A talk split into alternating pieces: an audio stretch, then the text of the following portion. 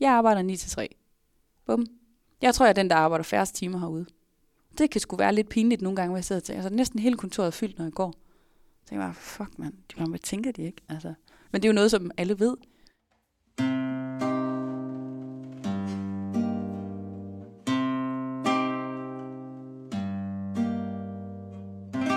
For nogle er det en dyd at arbejde 80 timer om ugen.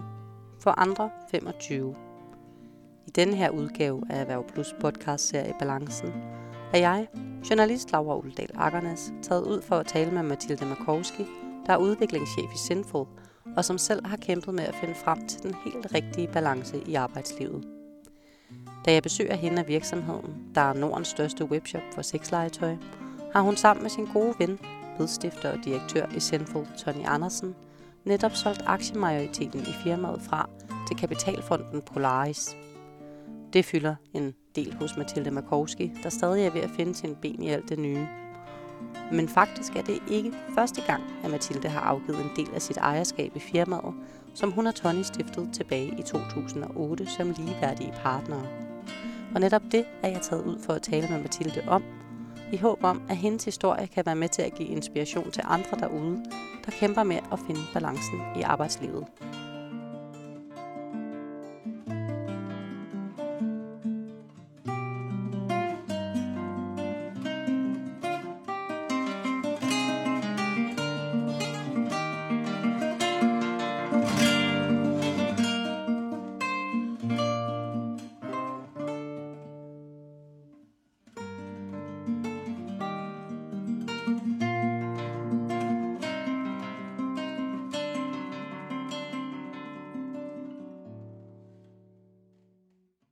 Starten af 10'erne, så afgav du faktisk nogle af dine ejerandele. Kan du fortælle lidt om bevæggrunden for dit valg dengang? Ja. Jamen det var faktisk stort set lidt det samme, som det vi sådan har siddet i nu. Øhm, jeg var ligesom, jeg var sgu træt på det her tidspunkt. Øhm, det er rigtig svært at være medejer af en virksomhed sammen med en maskine. og Tony, han er en maskine, han er for sindssyg. Øhm, han er, hans arbejdsmoral er helt crazy. Altså, han, øhm, jeg ved ikke, nu skal jeg også passe på, at man men for mig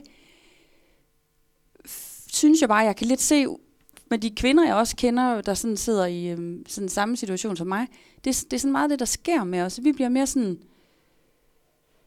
vi gider ikke ofre lige så meget, fordi vi, vi tænker, at det er da slet ikke det værd.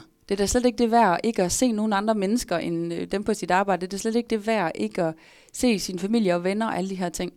Sådan blev det for mig, og det er også det, jeg kan mærke med mine veninder og mine kvindelige venskaber og netværk, at vi får bare sådan en mæthed, hvor at mænd, tror jeg, øh, uden at generalisere for meget, har ligesom en, en større sult på at opgive flere ting. Øhm, det har han i hvert fald haft end mig. Og det øh, snakkede vi om. Øh, jeg var så uheldig, og efter at have knoklet i en, jamen jeg tror det er en fem års tid eller sådan noget, sådan lidt nat og dag, og ikke set øh, venner og øh, familie, og har misset bryllupper og begravelser og um, rundfødselsdage og alle de her ting. Øhm, så fik jeg nyresten. Jeg røg simpelthen bare sådan helt ned. Min krop kunne bare ikke mere. Øhm, og det tror jeg også er rigtig meget, fordi jeg er sådan det her sociale menneske, som har behov for at se mine relationer, og ikke kun ikke kunne øh, sidde på mit arbejde altid. Øhm. Og da det var, jeg lå der, og lige inden jeg skulle opereres, og også lige efter jeg blev opereret, så lå jeg og tænkte rigtig meget om mit liv. Det er sådan helt typisk for mig, når jeg får den der lussing, så, så er det måske sådan lige, fordi jeg skal lige genoverveje tingene. Hvad er det lige, der sker? Og så tænkte jeg, ej, nu skal jeg kraftet med til at have weekender. Nu skal jeg til at have fri i mine weekender. Nu skal jeg til at have noget andet end kun mit arbejde. Ellers så, så går det ikke det her for mig. Øhm, jeg har simpelthen brug for noget andet i mit liv, end kun, øh, end kun sindfuld. Og jeg var sådan helt sikker på, at hvis jeg skulle give mere værdi af mig til sindfuld, så skulle jeg have flere input udefra, ikke kun sidde og se verden indenfra på en eller anden måde. Og da jeg så var blevet opereret der, og, og så fremlagde jeg mine tanker for Tony, og sagde, øh, vi har jo altid haft sådan et, et, et, et sindssygt tæt forhold. Vi var øh, var jo kærester i, i seks, jeg tror det var seks år, eller måske syv, det kan jeg ikke huske. Øhm, og det her, det var så efter, at vi ikke var kærester længere. Øhm, og vi havde stadigvæk det samme sindssygt gode øh, forhold, og helt ærligt. Så sagde jeg til ham, prøv at høre, jeg kan simpelthen mærke, nu øh, har jeg skrevet mine tanker ned her, efter jeg var på operationsbordet og lå og skulle komme mig her.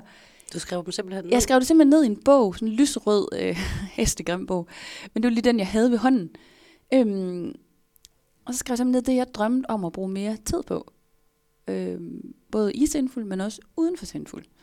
Og så sagde jeg, det her, det, er det, jeg, det her kan jeg mærke, det er det, jeg vil. Hvordan kan vi få det til at ske? Og det er altså igen fri, så jeg ikke arbejdede. Det var jo sådan 8-9 stykker til kl. 23, altså hver dag, også i weekenderne. Så det var sådan,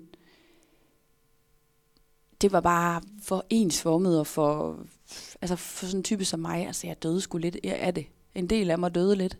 Altså jeg, jeg fik sådan en osteklokke skal jeg gik ind i, og, og havde det ikke fedt over det. Og det var sådan lidt, jeg, jeg ville have den der wow-oplevelse af mit liv med det her faktisk rigtig fedt arbejde, men jeg følte det ikke, fordi jeg havde ligesom kørt mig selv op i en, et sted, som ikke var mig. Og så havde vi en snak om det, og så Tony, han var bare pissefed, så siger han, det kan jeg godt se. Jeg har faktisk tænkt over det noget tid, at det her, det er jo ikke... Det er måske lidt også mine ambitioner, der går lidt over i dig her. Øhm, jeg synes øh, helt klart, det skal vi bare få til at ske. Og så kom jeg selv med den idé, fordi vi har haft øh, 50-50 på det tidspunkt af virksomheden. Og så kom jeg med den idé, hvad nu hvis vi kan overdrage nogle ejerandele til dig, så vil jeg have det federe med det, fordi jeg synes, det var øhm, sindssygt ubehageligt, at han altså på en eller anden måde, vi fik det samme i løn, vi, vi havde de samme ejerandel, men han, han kunne bare arbejde vildere end mig. Og så er sådan, det synes jeg bare ikke er fedt for mig. Så jeg vil altid føle det der pres. Så sådan, øh, kan vi på en eller anden måde gøre, så du har to tredjedele, og jeg har en tredjedel. Det vil jeg have det rigtig fedt med. Og så var han sådan, jamen det, det var han egentlig med på. Men så var det jo også, hvor jeg også sagde, men så skal du også forstå, at jeg har weekender så, og jeg er fri. Altså klokken 5-6 stykker har jeg fri, og så jeg også kan se mine veninder og hænge ud med dem og have det fedt og gå i byen og alle de der ting. Ikke? Så sagde han, det er fedt. Og det gav faktisk også ham noget frihed. Øh, både tankemæssigt frihed, fordi han også slap for at tænke, den der, hvis det var, vi havde været ligeværdige, så tror jeg også, han havde tænkt, ej, det er fandme også irriterende, hun bare render i byen og har det sjovt. Og så sidder han bare der og knokler, og vi vil sidde med det samme. Har han givet udtryk for det, eller nej, det, det du nej, nej, tænker? det er han... det, jeg ved. Ja, ja, jeg kender ham jo skide godt. Øhm, så det ville han have tænkt helt uden at tænke over, at han tænkte det.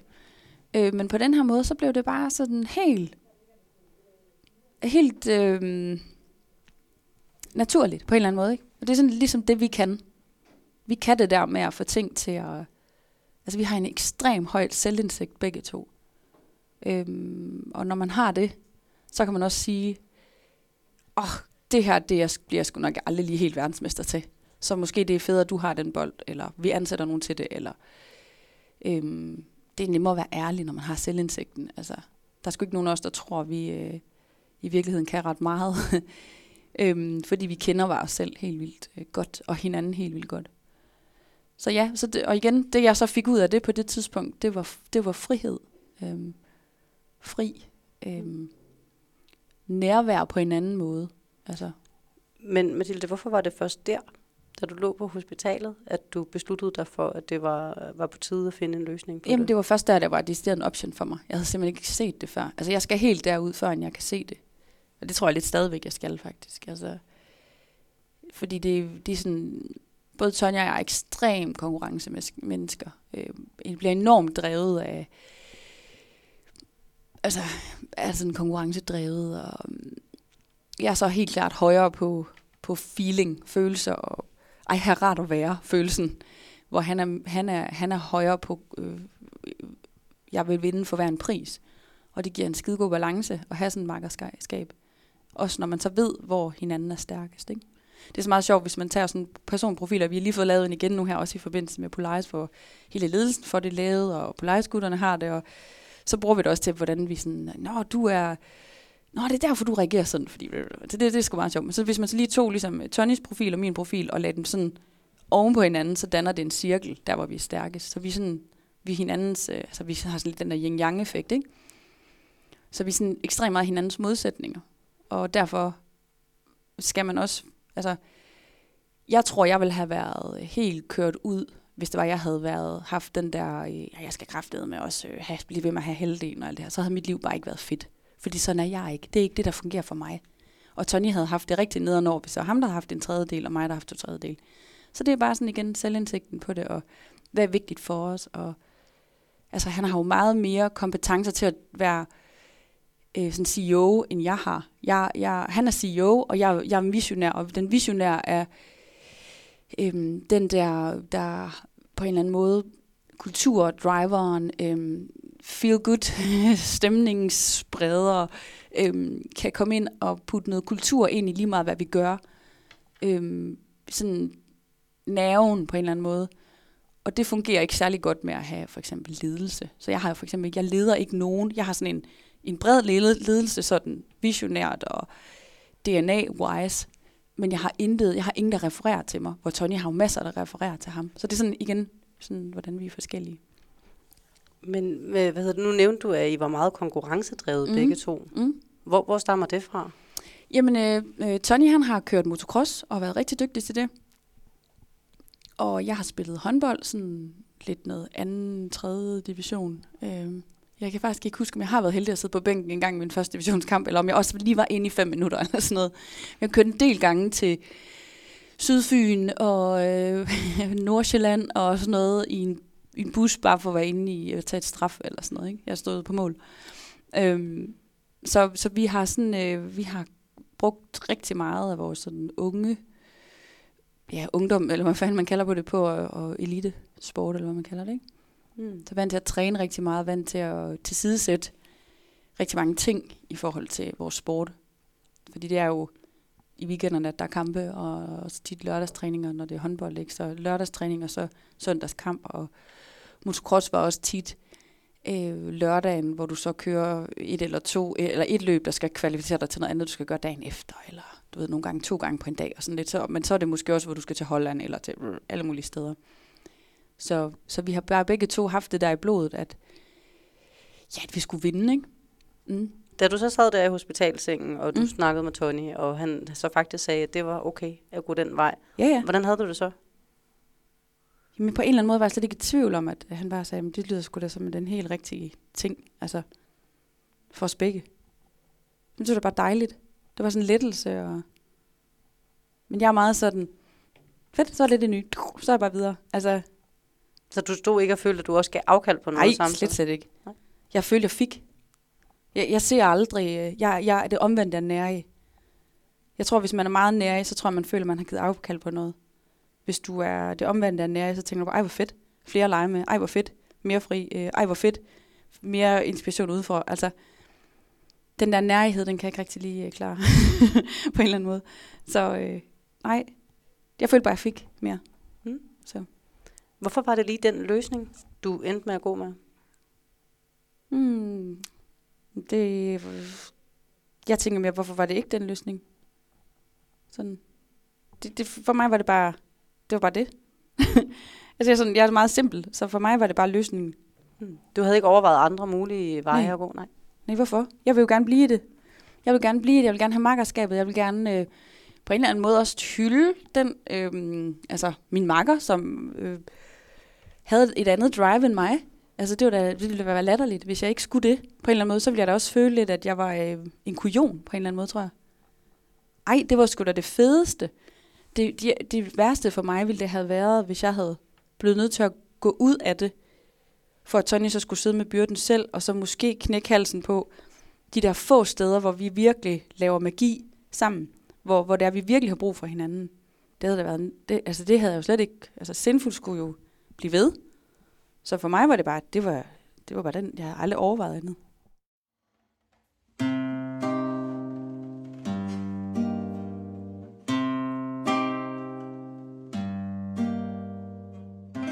Det er ingen hemmelighed, at iværksættere ofte er under et stort pres i opstartsfasen. Timerne er mange, dagene lange og usikkerheden stor. Netop derfor er behovet for at trække stikket og tage en pause desto større. Og det var da også nøglen til en hverdag med mere overskud for Mathilde Makowski, da hun efter sin indlæggelse vendte tilbage til arbejdet igen. Dengang jeg kom tilbage derfra, øh, Nyrstens ting der, så, så skulle jeg jo ligesom, du ved, så skal kroppen lige i gang og sådan noget. Så tror jeg bare, vi blev, jeg tror, vi havde aftalt det der med, at så havde jeg weekender, og så var det sådan noget til klokken 5-6 stykker i hverdagen eller sådan noget. Det mener jeg, jeg kan sgu ikke huske det helt. Men vi havde bare sådan sagt, det er cirka det, du forventer mig. Og hvis jeg arbejder mere end det, så skal du bare være glad. altså det er lidt sådan, det er, det, det er meget vigtigt for mig, øhm, at sætte nogle rammer, som jeg altid kan indfri. Fordi ellers så, vil jeg, så skal jeg gå og have dårlig samvittighed over det. Så jeg vil, meget hellere, jeg vil, vil langt hellere overperforme i forhold til arbejdstid, end jeg vil underperforme og føle, at jeg ikke lever op til noget. Altså for mig selv. Ikke for andre, men for mig selv. Og hvordan gjorde du så det i praksis? Ved at, som jeg husker det ved at sige, at øh, så arbejder jeg øh, ikke i weekenden, og så nogle gange lukkede jeg på weekenderne og havde det fedt over det. Yes, man, jeg arbejder skulle lige lørdag. Altså så fik jeg sådan lidt optur over mig selv i det. Altså kæft mand, det gjorde jeg lige, og det var fedt mand. Så fik vi lige lukket det. Og så det var egentlig, det er sådan nogle små sejre, jeg godt kan lide at have i løbet af en dag. Øh. Og hvordan oplevede du så, at din hverdag forandrer sig efter? Bare få mere øh, overskud og blive langt dygtigere til mit arbejde, fordi jeg også fik input udefra og så nogle andre mennesker og tog ud og spise en gang imellem og se nogle veninder og have det hyggeligt. Og, altså, så det der med at altså, få socialt nærkontakt igen til omverdenen, det giver jo sindssygt meget. Altså. Det, det gjorde det i hvert fald for mig. Hvordan siger du, det gjorde dig dygtigere til dit arbejde? Mm, det gør det lige så snart, du, du er ude i en... Altså mærker... På en eller anden måde, mit job er også sådan at mærke... øh, forstå mennesker. Øh, forstå, hvad sindfuldt gør ved mennesker. Øh, forstå, hvad sker der øh, ude i verden øh, i forhold til, hvad gør andre virksomheder. Øh, hvad fylder lige nu i folks øh, tanker? Øhm, er det øko derinde? Er det sustainability derinde? Er det øh, Øh, pantone-farver derinde? Altså sådan, hvad, hvad hitter inden for fashion? Hvad hitter inden for alle forskellige? Så det er, sådan, det er meget sådan nogle kreative indtryk, jeg får fra omverdenen, som jeg hiver med ind i mit arbejde. Og når du ikke får det, og sidder i min stilling, så bliver det hele lidt det samme så sidder man ligesom kører rundt i en grød, som er færdig. Men jeg vil jo godt putte nogle nye ingredienser ind i den, sådan helt forsigtigt. Sådan så vi kan være med til stadigvæk at ændre verden og ændre den måde, man kigger på sexlegetøj og, og gøre det mainstream, som jeg føler, vi har gjort i, i dag. Ikke? Hmm. Hvordan, en ting er sådan, at du så fik mere overskud. Hvordan har du oplevet, at omgivelserne har, har forholdt sig til dit valg? Jamen, det var sgu ikke noget, vi sådan snakkede om andet, end det bare var... Altså, det, det, det er sådan helt skørt, fordi det var bare sådan, nå, okay, altså det, det, nogle gange så tror jeg også, man skal sådan, lidt ligesom hvis man bliver gift, og sådan, wow man, uh, så du gifter sådan. Jamen, det er jo helt det samme. Altså i virkeligheden er det jo, det betyder noget for mig, men det betyder jo ikke super meget for alle mulige andre. Jo, det var dejligt for de folk, der pludselig kunne begynde at se mig. Men jeg havde jo altid været der. Jeg var bare ikke lige så tilgængelig. Så det blev jo ligesom bare en ny normal. Hvad med altså. jeres ansatte? Havde I ansatte på det tidspunkt? Mm, hvor du? det ja. havde vi. Jamen, jeg, jeg, tror sgu ikke, jeg tror ikke, det var noget, de gik og tænkte over. Jeg tror ikke. Det tror jeg ikke betyder andet, end at det måske var rare. Eller, men jeg tror ikke, det havde den helt store sådan, effekt for dem. Fordi igen, det er meget det arbejde. Jeg, I og med, man, jeg også arbejder meget visionært. På det tidspunkt arbejdede jeg rigtig meget sammen med Tony i, hvordan vi skulle udforme altså i hvordan vi skulle ja, ud, altså forme sindfulde og alle de her ting. Så det var nok mere vores makkerskab, der gjorde noget helt særligt. Der blomstrede fuldstændig. Der øh, på en eller anden måde, det der med, når man, altså vi forstod hinanden endnu dybere, på et endnu dybere plan.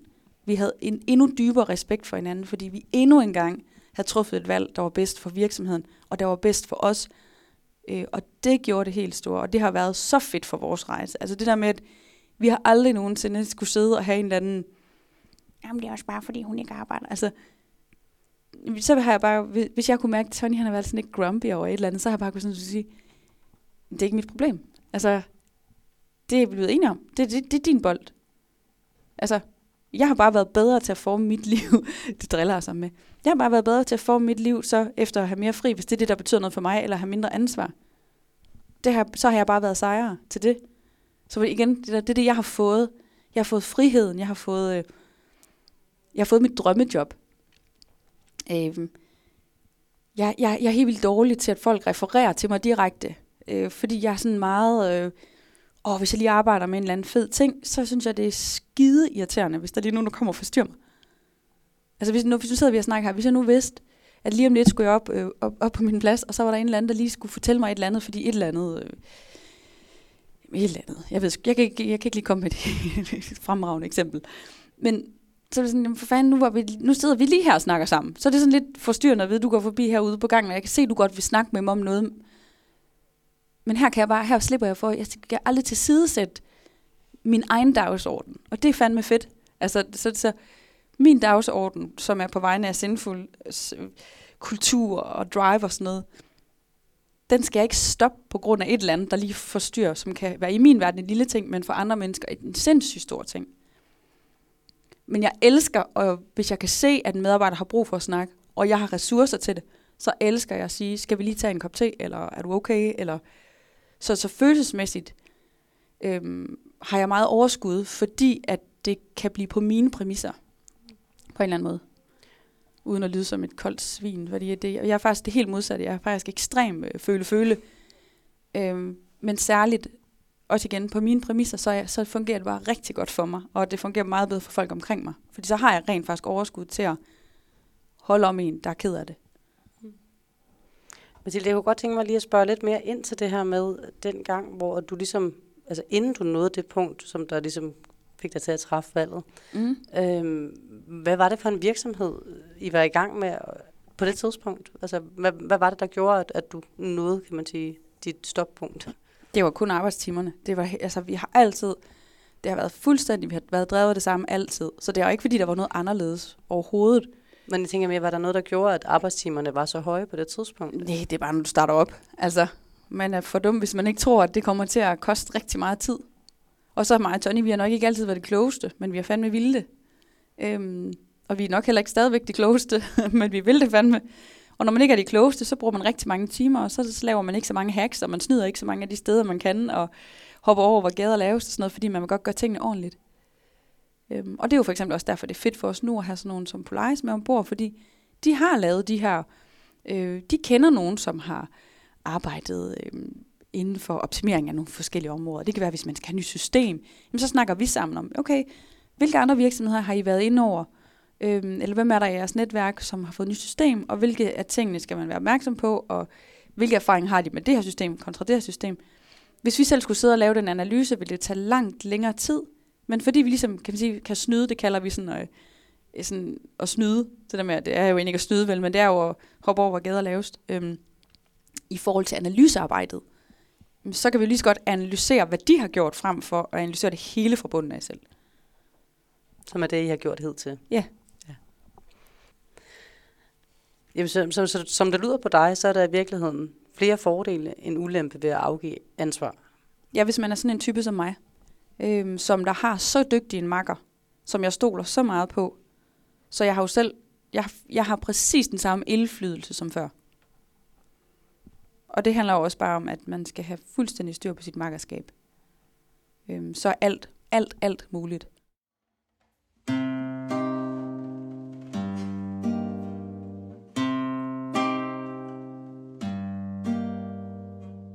Selvom Mathilde Makowski med færre timer og mindre ansvar har oplevet et større overskud, så skal der dog stadig ikke meget til at vælte læsset. Derfor har hun fundet på noget, der for hende fungerer perfekt til at skabe en bedre balance i arbejdslivet. Er du blevet bedre til at mærke efter? Nogle gange. jeg synes overhovedet ikke, at jeg har fået en eller anden helliggørelse af, at øh, altså jeg får godt stadigvæk op med, og kan da også godt blive lidt super presset over ting. Og, altså jeg tror, når man en gang har, der skete også det efterfølgende efter nyresten, så fik jeg også tre måneder, hvor jeg sådan var ret meget ude. Øhm, altså hvor jeg kun arbejdede tre timer om dagen. Og efter det fik jeg faktisk defineret, at jeg skal arbejde 9 til 3. Det er så min arbejdstid, og det har det faktisk været siden da. Så jeg har i 6 år, eller sådan noget, 5 år arbejdet 9 til 3. Og øh, det er mega fedt.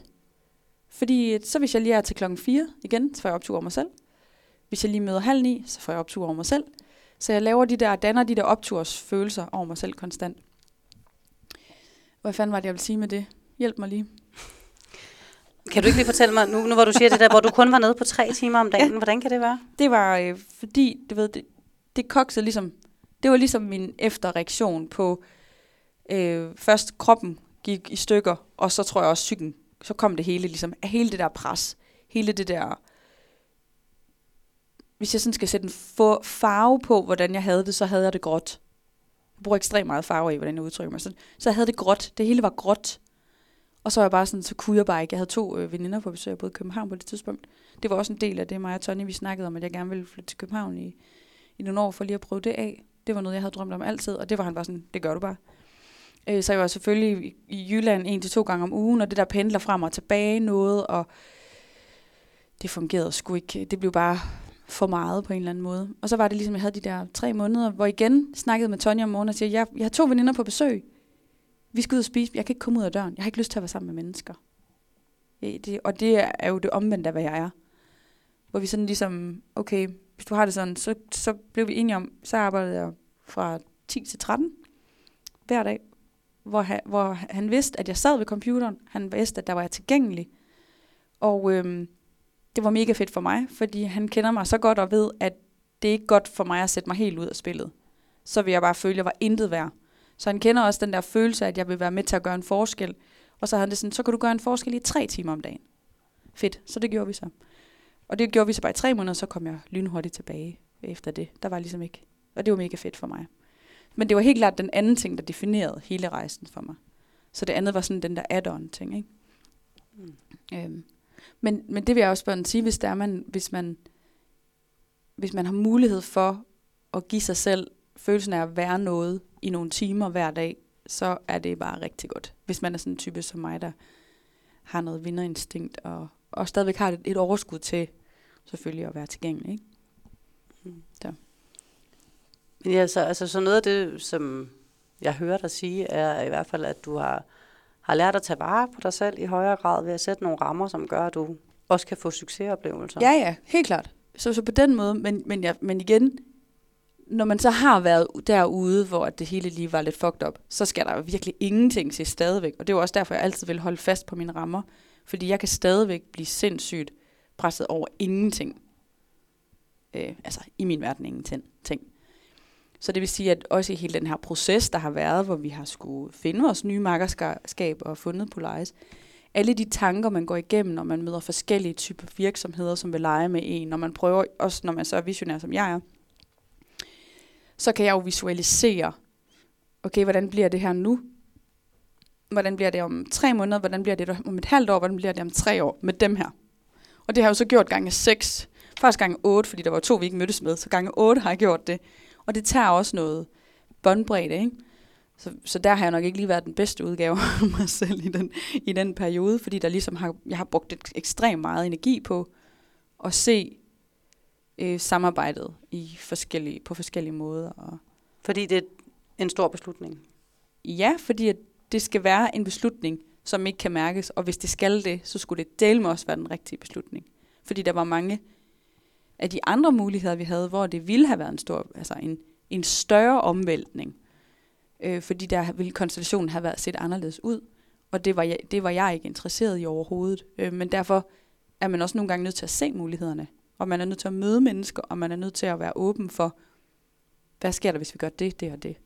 Ellers har man ikke gjort sit arbejde ordentligt, føler jeg. Så går man jo bare med den første og den bedste følelse. Du er nødt til at, du er nødt til at åbne og vide, altså den, dem, der approachede os, der gjorde, at vi gik i proces, var nogle af dem, vi ikke valgte at mødes med. Det er meget mere for at sige, nogen åbnede øjnene for os, men vi, men vi ville slet ikke, fordi den var der ikke. Og hvis vi så ikke havde gået i proces og bare gået direkte kun i proces med dem, så havde vi jo mistet hele det, vi er i nu. Så havde vi mistet det. Så havde vi mistet, at det, at det handlede om os, og det handlede om nogen, der støtter os, og ikke bare nogen, der driver os. Mm. Ikke? Og, så, og så nogle tanker, som mm. du så sidder her ja. og, og også deler. Øhm, er det så noget af det, som du siger, at det også kan få bæret til at tippe over? Fuldstændig. Ja, ja, ja når, det, når det kører for meget. Altså, jeg kan, jeg kan tænke... Øh, altså, jeg kan tænke så meget, at det bliver helt skidt. Altså, virkelig. Men det er også, altså, det kører, den kører bare hurtigt. jeg selv skal sige det. Nej, Ej, men den, den kan i hvert fald... Øh, så det er klart, når man, når man tænker så meget, så kan det godt øh, sådan ligesom flyde over. Og så er det jo ikke bare en, en, det er jo ikke bare en virksomhed for mig og Tony, det her. Det er jo, for helvede, det er jo det, er jo det vi har skabt. Det er jo på en eller anden måde kød og blod. Det er sådan første fødte. Det er, det er vores, vi kalder det jo møgeungen, som er blevet en teenager nu. Altså det er jo, på en eller anden måde, så er det jo bare um, en, en kæmpe del af os. Altså, vi er jo, vi er jo sindfuld. Altså det er jo, det er jo os, der har lavet det her. Så det er jo ikke bare lige, altså, det er jo ikke bare en, anden, en nem beslutning. Det skal være det helt rigtige. Og det er det så heldigvis blevet, ikke? Altså. Mm. Ja. Så hvis du sådan, hvad, hvad kan du så gøre for, kan man sige, at holde det her i ave, så det ikke tipper over? Eller hvad gør du for, at, at det ikke tipper over? Jamen det vigtigste, jeg gør, det er den der 9-3, som jeg stadigvæk gør. Det er det allervigtigste for mig. Jeg arbejder 9-3. Bum. Jeg tror, jeg er den, der arbejder færrest timer herude. Det kan sgu være lidt pinligt nogle gange, hvor jeg sidder og tænker, altså næsten hele kontoret er fyldt, når jeg går. Så tænker jeg bare, fuck mand, de, hvad tænker de ikke? Altså. Men det er jo noget, som alle ved. Men det, det, det kan stadigvæk være pinligt for mig, men det, jeg ved, det er det, der skal til. Ikke? Så, øh, og, så, og så igen, så er det, når man har det som mig, så, så kan jeg få optur over, når jeg så er til halv fire eller fem, eller hvad det nu er nogle dage. Ikke? Og det er sgu da fedt, øh, synes jeg, at sætte sig selv i en situation, så det er svært at underperforme. Det tror jeg er rigtig vigtigt, når man har været øh, sådan ude af gamet i en periode, at det er i hvert fald vigtigt for mig, at jeg ikke øh, på en eller anden måde, at jeg ikke bliver bekræftet i, at jeg ikke er god nok. Jeg har behov for at blive bekræftet i, at jeg er god nok. Altså af mig selv. Hvorfor det? Jamen det tror jeg, at de fleste mennesker har. Altså, det, det har jeg ligesom fundet ud af. Det troede jeg var meget unikt for mig, at jeg havde, at jeg måske havde sådan lidt, altså selvtilliden, at jeg har fundet ud af, det er selvtilliden, jeg er lidt lav på, men selvværdet, jeg er høj på. Det er så heldigvis rart, at det er den vej. Øhm, fordi jeg altid vidste, at jeg ville blive til noget. Jeg altid vidste, at jeg ville udrette et eller andet helt vildt. Jeg kunne bare ikke vide, hvordan fanden jeg skulle gøre det. Jeg kunne hverken regne og skrive og læse og, og alt muligt. Men jeg, men jeg vidste bare, altså. Jeg sådan hed, da jeg var barn, øh, sådan, min, min mor og, og min storsøster, de, min far hed Makowski, og da det var, de blev skilt, og min mor havde faktisk lidt svært ved at få job nogle gange, fordi hun Makowski, hun var sådan freelance øh, sælger. Øh, og hun er sådan svært ved at få job, fordi hun hed Makowski, så hun fik det fjernet, fordi nogen troede ligesom, at hun var sådan, øh, det ved sådan, øh, indvandrer, eller hvad pokker man kalder det. Øh, min, min far har rødder fra Polen. Jeg har aldrig været i Polen. Jeg ved ikke engang, hvordan man siger hej. Eller jeg tror, hun er eller et eller andet øh, skål. Eller jeg ved faktisk ikke helt. Og måske det også er på russisk. Øh, men så min søster og min mor, min storsøster og min mor, de fik ligesom fjernet Makowski fra deres navn. Og jeg havde det sådan et, nej, for når jeg engang bliver kendt, eller når jeg engang bliver kunstner, eller sådan et eller andet, så er det det eneste efternavn, jeg har, man kan sige internationalt. du ved, så det var sådan, hold kæft, mand. Så jeg sådan altid vidste, at øhm, jeg vidste ikke, hvad det var. Jeg vidste bare, at jeg skulle nok blive til noget. Om det var håndboldspiller, eller et eller andet kunstnerisk, et eller andet. Øhm, det vidste jeg ikke. Jeg ville bare vidste, at jeg skulle skabe noget stort. Men, øhm, men den der selvtillid, altså at føle, øh, du ved sådan, åh, jeg har den, du ved, den har jeg sgu ikke altid sådan med mig. Så derfor er det vigtigt igen at skabe de der rammer, der hele tiden husker mig på det grundlæggende i, jamen, øh, det kører for dig. Det er de der små ting. Fedt, mand. Du gjorde det. Kæft, det var godt møde, mand. Ej, jeg kommer nogle gode guldgør. du ved, sådan det, der, det er sådan den der selvtillidsboost, jeg har brug for. På en eller anden måde, ikke? Mm. Og den kan du så skabe ved at lave de her rammer, som ja. gør, at du kan... Ja. Overperform. Det er genialt. Det er skidesmart. Det burde alle mennesker gøre for sig selv. er der noget, du føler, du har givet afkald på? Mm. Nej. Men du har vundet noget? Ja. ja. Altså ved, at, ved at tilrettelægge sit liv efter, hvem man er, så vinder man kun. Tror jeg. Altså jeg tænker også, at øh, øh, også hvis man skal kigge øh, pengemæssigt i forhold til, at nu gav jeg så nogle procenter væk, eller gav, det føles lidt, øh, hvis man kigger på, hvad Tanja gav for det dengang, så tror jeg, mange vil sige, at jeg gav det væk i forhold til, øh, hvor meget en virksomhed lige pludselig er blevet værd, og alle sådan nogle ting. Ikke? Men for mig var virksomheden jo aldrig blevet til det, den er, hvis jeg ikke havde givet afkald på det.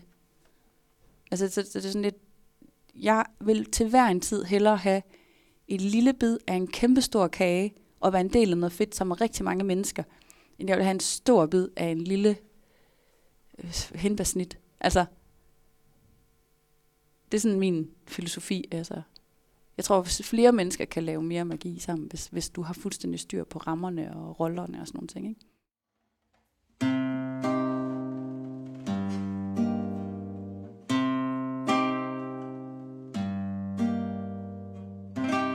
Du har nu lyttet til første afsnit af Erhverv Plus podcastserie Balancen. En podcastserie, der forhåbentlig har givet dig lidt inspiration med til, hvordan du selv kan finde frem til et mere balanceret arbejdsliv. Hvis podcastafsnittet her ikke har gjort tricket, kan du finde mere inspiration på vores hjemmeside erhvervplus.dk. Her vil du også i de kommende uger kunne finde de andre afsnit i vores podcastserie, der hver især kommer med sit bud på, hvordan man opnår en mere balanceret hverdag.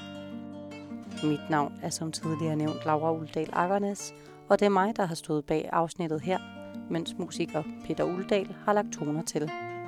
Tak fordi du lyttede med.